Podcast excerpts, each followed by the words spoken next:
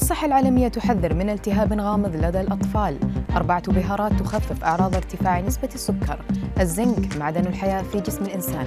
أبرز أخبار الساعة الأربع والعشرين الماضية في دقيقتين على العربية بودكاست.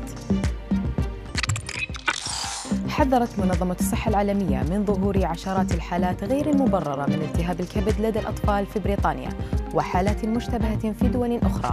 وقالت المنظمة أن العديد من هؤلاء المرضى أصيبوا من قبل بفيروسات بينها كورونا إلا أنها استبعدت فيروسات التهاب الكبد المعروفة كأسباب للمرض. وأضافت المنظمة أنه تم الإبلاغ عن ثلاث حالات أخرى في إسبانيا من بينها حالة لطفل يبلغ 13 عاما. كما تم الإبلاغ عن حالات مشتبه بها في إيرلندا ولكن لم يتم تأكيدها جميعا. إجراء بعض التغييرات البسيطة على اختياراتك الغذائية قد يكون أسهل طريقة لتقليل خطر الإصابة بأعراض مرض السكري غير المرغوب فيها. موقع Medical News Today الطبي قال إن علاجات تشمل استراتيجيات نمط الحياة وأحيانا الأدوية وبعض العلاجات التكميلية.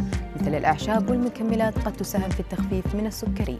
منها أربعة توابل هي القرفة والزنجبيل والحلبة والجيمنيما تساهم جميعها في تحفيز البنكرياس ليقوم بإنتاج كميات أكبر من الأنسولين لدى مرضى السكري.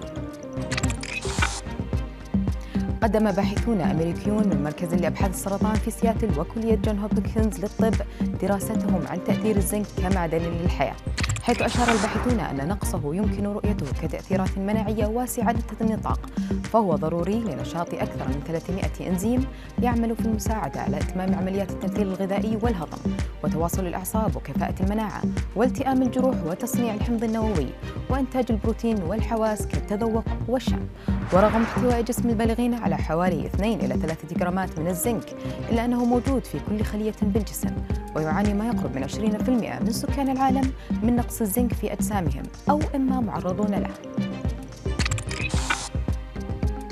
بعض مميزات الشخصية قد تلعب دورا رئيسيا بتحديد إمكانية إصابة الأشخاص بضعف إدراكي خفيف في وقت لاحق من حياتهم. ووفقا لدراسة في مجلة الشخصية وعلم النفس الاجتماعي فإن من هم أكثر وعيا وانفتاحا على الآخر. يتجنبون الإصابة بخلل إدراكي معتدل في وقت أبكر. بينما من لديهم مستويات أعلى من العصبية تزيد لديهم إمكانية الإصابة بالتدهور المعرفي. كما أن تراكم الخبرات خلال المسار الحياتي قد يساهم بالتعرض لأمراض أو اضطرابات معينة. Thank you.